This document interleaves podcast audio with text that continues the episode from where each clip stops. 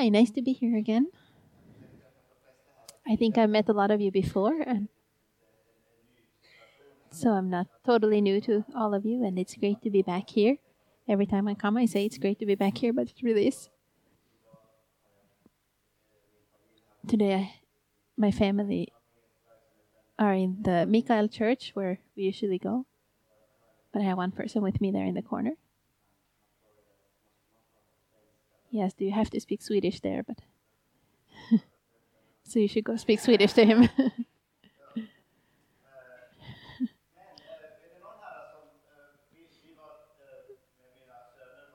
Me and my sons were last Friday. We watched this Jesus Revolution movie. Has anybody else watched it? It was the first evening here in Finland that it was being shown. I recommend it. If you have an opportunity, go watch it. It woke a lot of um, thoughts in me, and it was a great movie. As a believer, but do we have our relationship to the world around us? What is it like? And how we relate to phenomenon with around us and quite deep thoughts it uh, it awoke in me. And it was a true story about the, this Jesus revolution in the 70s, which was a kind of reaction towards the hippie movement. How Jesus met the hippies in the 70s. It was great thoughts. But what I was thinking was how important it is that that we really put Jesus in the center in our churches and in our lives. And this world doesn't need our our great thoughts. What we are and not what we have. It's not really what this world has or what it needs, but what this world needs is Jesus. Jesus can take our sins and forgive our sins, and He can give us eternal life. And He can give us um, uh, content in our lives. So, putting Jesus in the center of our lives is so important in what we're doing. And an interesting thing in this movie is that it started with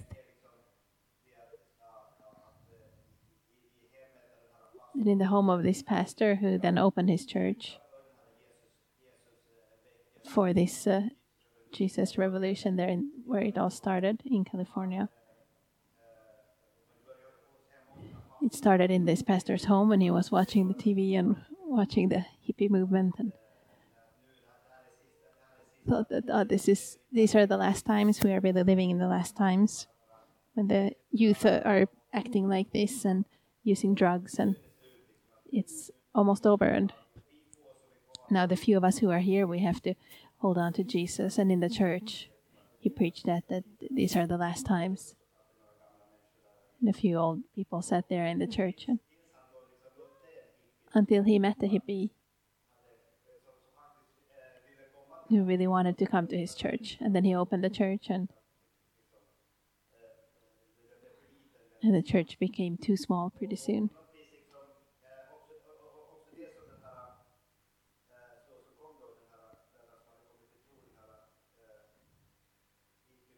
And this hippie who who started believing, he said he doesn't understand. Can't you see that that it's a whole generation who is searching for God, but they only find drugs and they're trying to find this emptiness with drugs. And it's something that I think is very similar in in the life, uh, the world we're living in today. That you could think like, oh, these are the last times uh, things are so terrible, nobody cares about God, but maybe it's the opposite that we have a whole generation who is seeking God very much right now. And we have to open the church doors for this generation so that they can find Jesus. This has to do with the topic um, that uh, you're doing in this church right now. Jesus is my life. and this importance that Jesus, for Jesus to be in the center of our lives. There's a Christian faith that has anything else in the center. A lot of things um, but Christian faith could put the man in the middle and say that this is Christianity, that we're nice to each other and that we're trying to to do a good job as be humans. And you put the person in the middle. But that's not something that we need. What we need is is God and Jesus, that He is the only one who can save us. So, Jesus in the center is the most important thing in our lives, that Jesus could be in the center of our lives. And then, as a, a bridge from this, to can, I want to talk about Peter. And I've talked a lot about Peter before, but I don't remember exactly if I've mentioned all these things about Peter here. But Peter is the person of Jesus' disciples that I think is the most fascinating. I love Peter, the person of Peter, and everything in the Gospels where it's written about Peter, because Peter he's so so normal.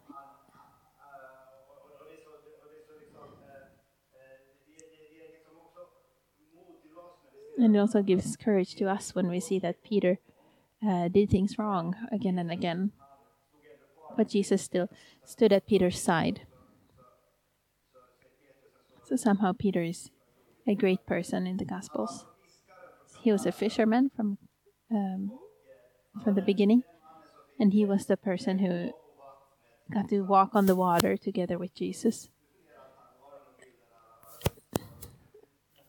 Now I had some pictures here. Here's the first picture. That he was uh, he was one of the only persons um, who who got to walk on the water with Jesus, and he got to see wonders and miracles all the time around around Jesus. And Jesus said that you are Peter. His name was Simon, but he said you are Peter the rock, and on this rock I will build my church. And Peter, who became the leader of the first church and who preached um, on Pentecost, and 3,000 people uh, got baptized and started believing in Jesus.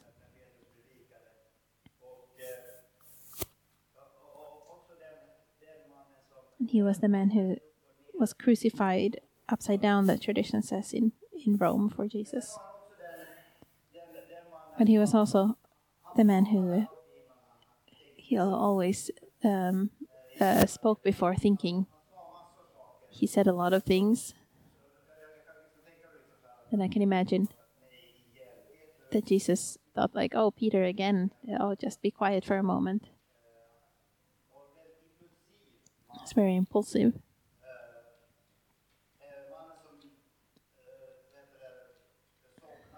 Man who fell asleep when Jesus asked him to wait, watch and pray in the Garden of Gethsemane before he was crucified. Jesus asked Peter to support him in prayer. And when Jesus came back, he was snoring.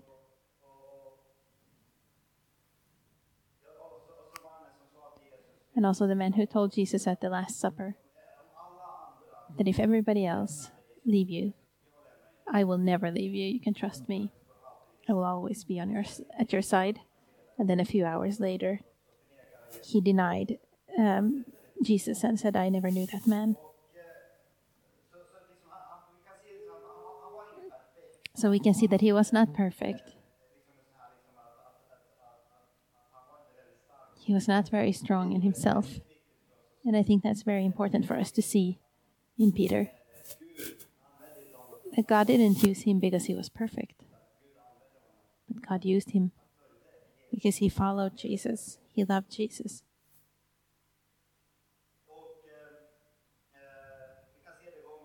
And we can see it again and again that Peter, he really loved Jesus and he followed Jesus. And he continued even though he again and again uh, did things wrong. That's why I think it's so great to think like I'm not the only one. If Jesus could use Peter, then maybe he can use me as well. And I think that's encouraging for all of us.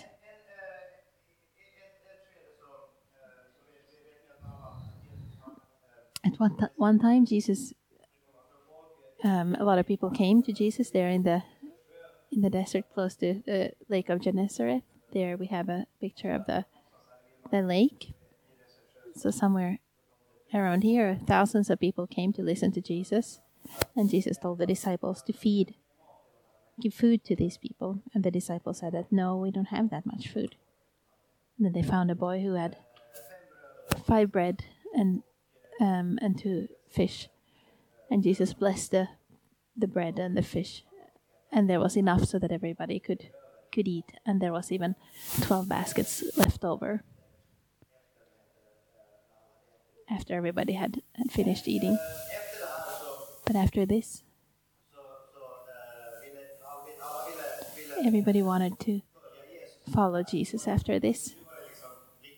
So now there was a, uh, yeah, a lot of things happening that Jesus filled us. He gave us food. This is great.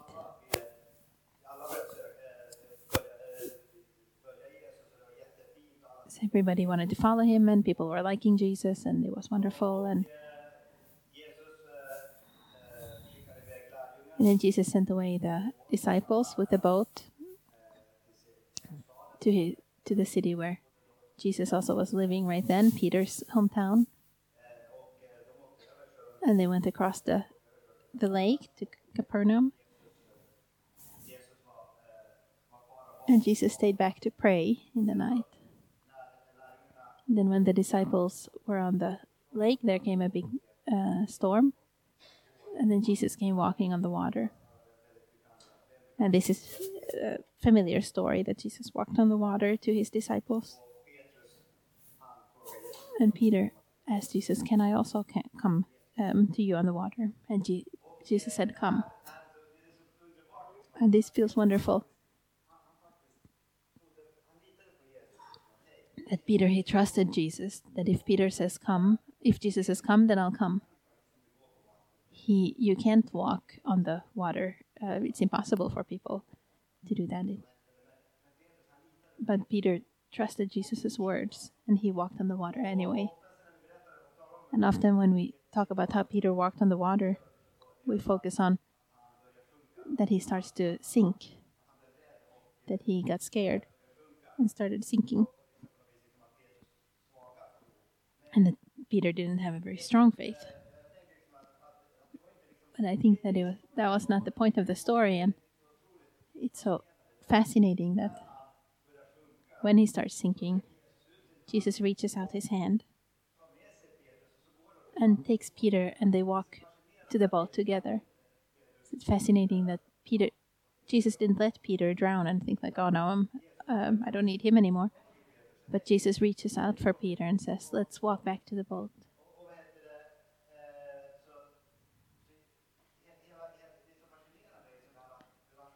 So this relationship is so fascinating to me, and what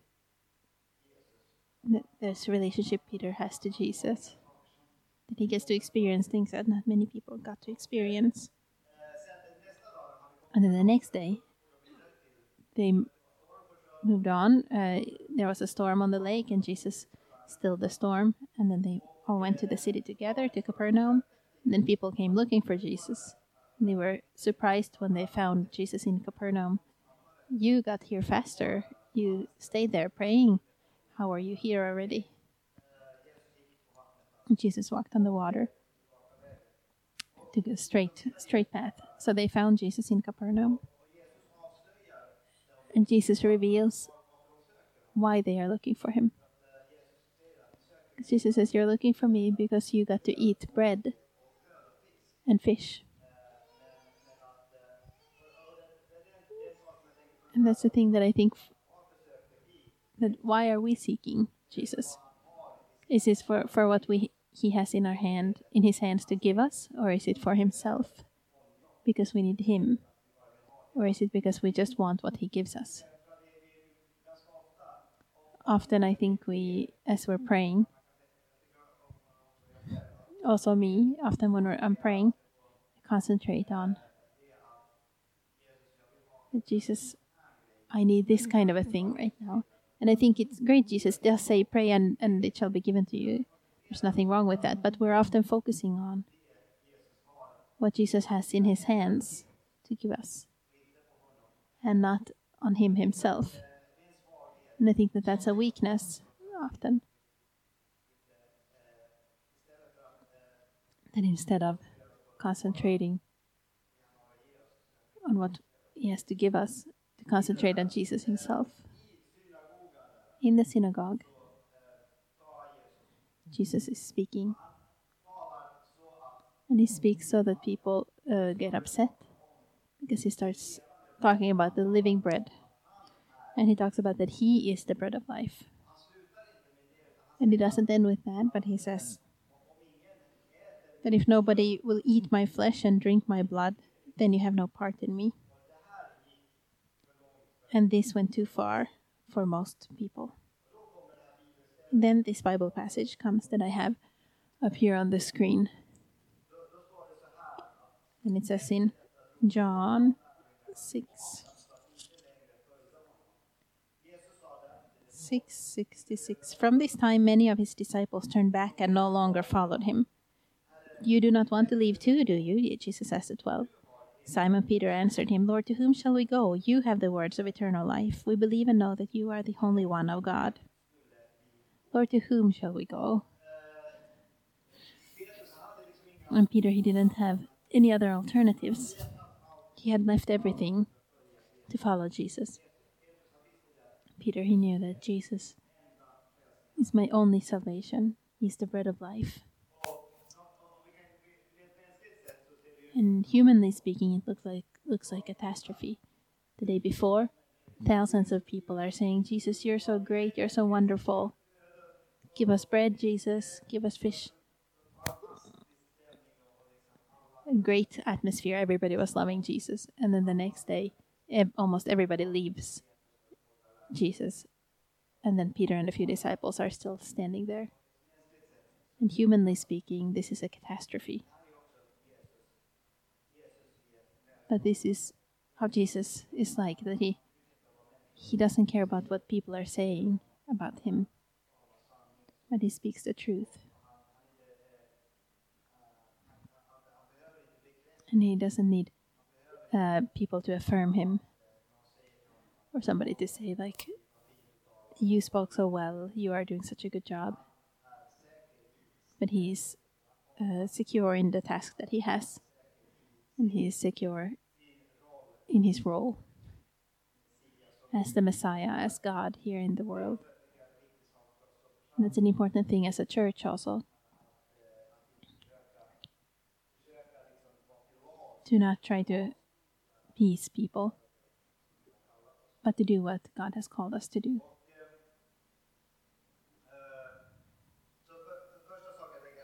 It's the first thing today I want to say that you can think about why are you seeking Jesus? Why is Jesus important to you? Is it like these people because Jesus did a miracle and gave bread and fish? Or is it because Jesus is the bread of life himself?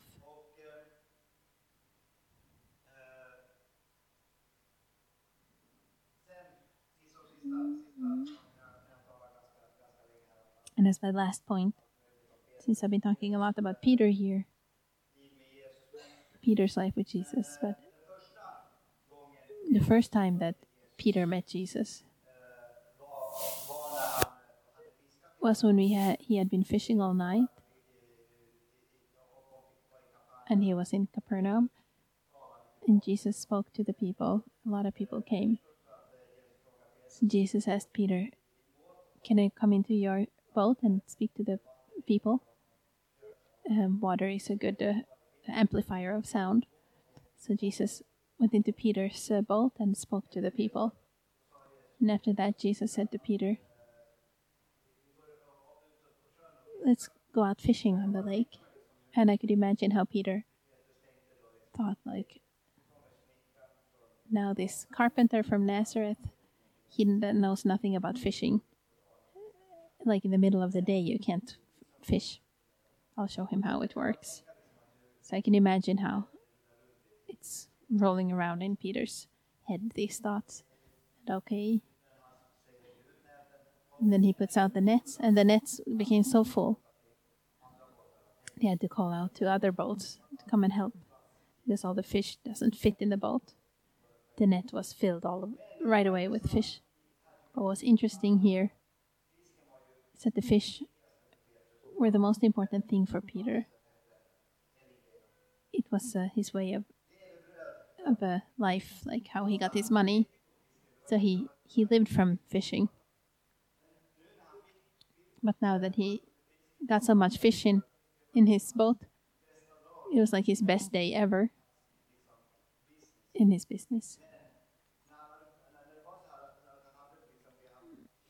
But now that he, ha- he had what he had always wanted, then the fish totally lost um, all interest in Peter's head.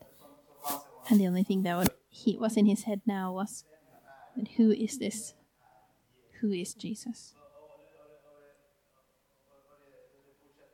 And it continues with Peter throwing himself on the ground and telling Jesus that, Go away from me, Lord. I am a sinful person. And this was an important thing for Peter and also for us to meet Jesus as a God in His holiness. And to see that we are sinful people. And we need Jesus. But I think this reaction in Peter is important for all of us. That we can meet Jesus in His holiness. And when Peter says to Jesus that go away from me, Lord, I am a sinful person. And Jesus didn't go away from Peter, but but Jesus stayed there and told Peter, Don't be afraid. I'm going to make you into a fisher of men. Follow me. And Paul, uh, P- Peter started following Jesus, and it changed him his life was changed in his relationship to Jesus. So Jesus didn't leave Peter, but then we see this that is so fascinating that when Jesus has uh, been resurrected, after the resurrection, Peter and uh, a few of the disciples are by the lake again. And Peter tells the others that I'm going fishing. And the others said, We will come along. It was like the natural way for them to live. They're by the lake, and now it's evening, let's go fish. So they're all going fishing. And they didn't get any fish on the whole night. It's also strange that was he really that great of a fisherman, not getting any fish? But they didn't get any fish, and then in the morning, it was very fascinating that he was there in the morning with the boat, and it was they were on their way back to the beach. Then it says, the disciple that Jesus loved told Jesus, and I think this is fascinating. The disciple that Jesus loved. This is in John. Uh, in John, this message of like the disciple that Jesus loved, it comes again and again, and it's fascinating that it's John who's writing about himself. It's so cute somehow, and it's so nice that he felt that he was that Jesus that he is the one that Jesus loved. And I think that all of us maybe uh, should feel it this way that like when you know Jesus, you can feel that I am the one that Jesus loves because Jesus' love is so strong to all of us. So you could really feel that, like, I am the one that Jesus loves. And John, he, he said to Peter, It's the Lord. It's the Lord who is there on the beach. because they saw somebody there on the beach, somebody who was calling out to throw your net on the right side of the boat. And, then they did.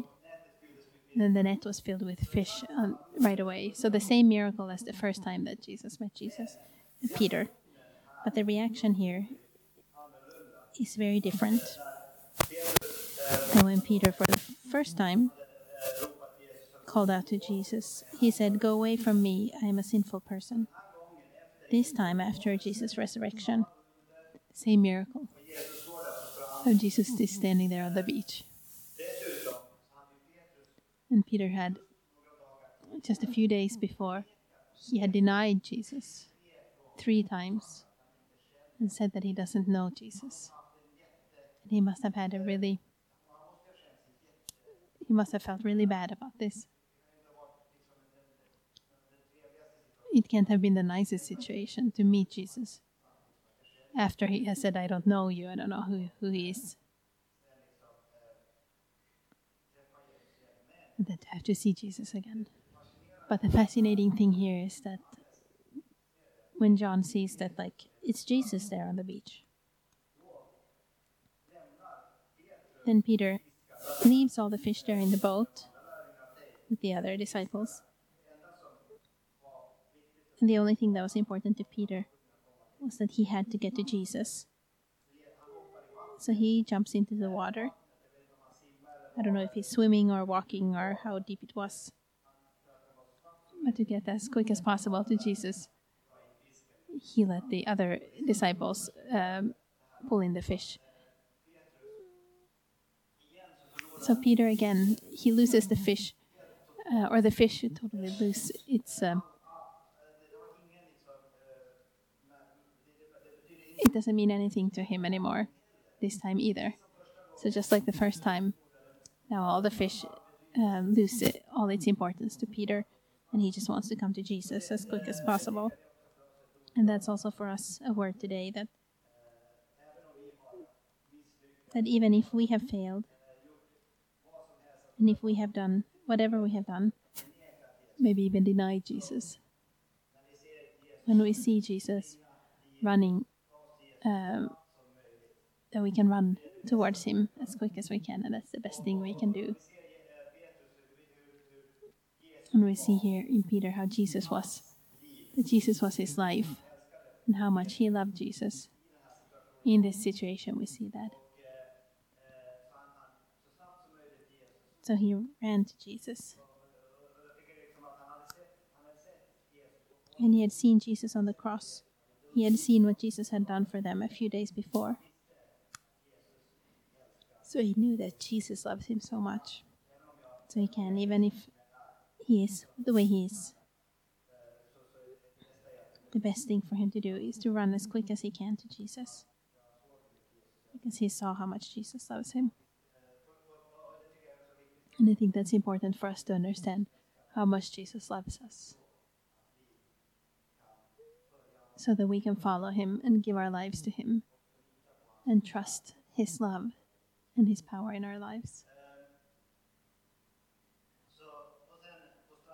And then on the beach, it's so fascinating when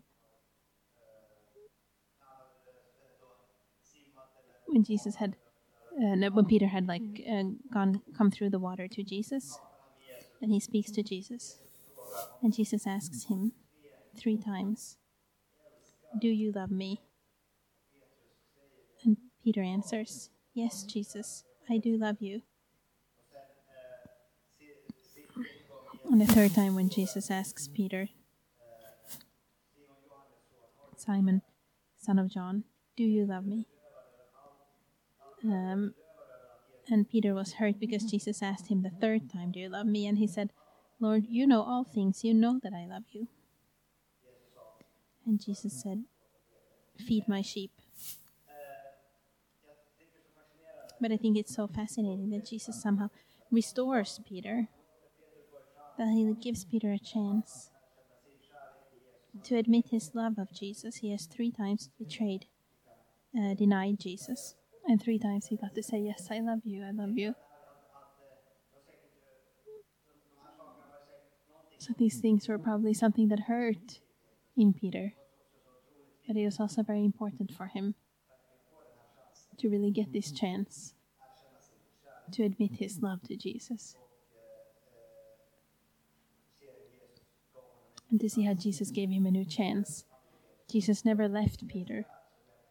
Not even there, uh, Jesus left, didn't leave Peter, but he gave him a new chance to follow Jesus. Also in the book of John,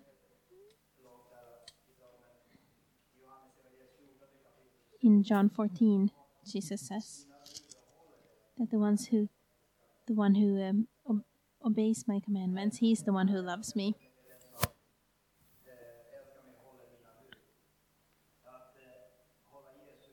So to keep Jesus' commandments and obeying them is to love Jesus. So doing doing what he asks us to do, even though we don't always understand or we don't have the right answers, we can still follow what Jesus tells us and what Jesus calls us to do.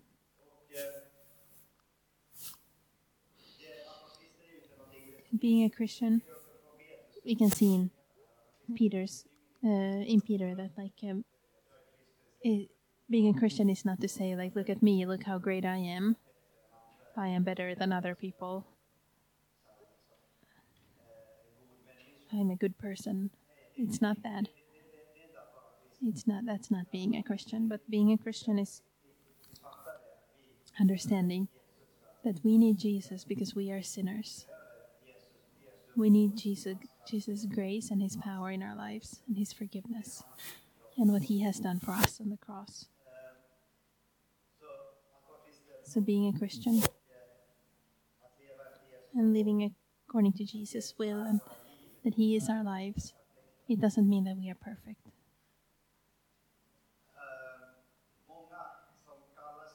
Many people who call themselves Christians are completely foreign to Jesus, and many people who are baptized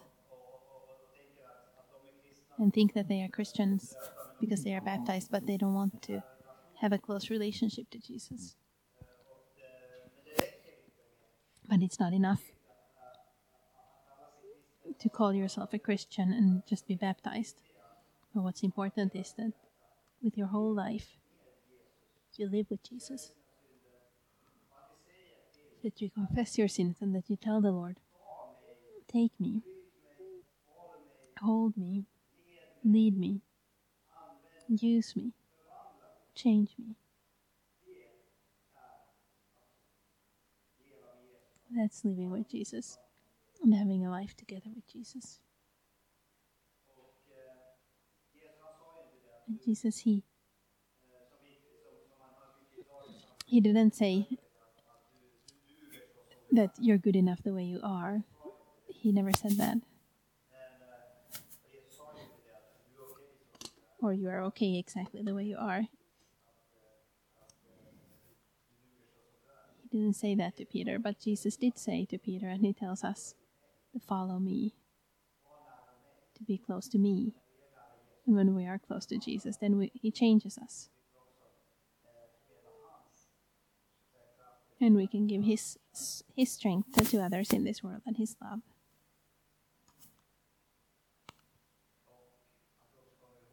And that we remember that we are loved. That Jesus loves us always.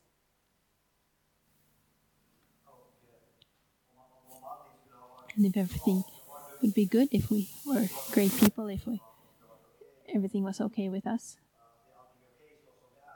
and we were okay exactly the way we are, then Jesus didn't have to die for our sins. But he loved us so much that he died for our sins. And the more we take in this love, Jesus' love, the more Jesus can become our lives. And then we can say that Jesus is my life. Let's pray.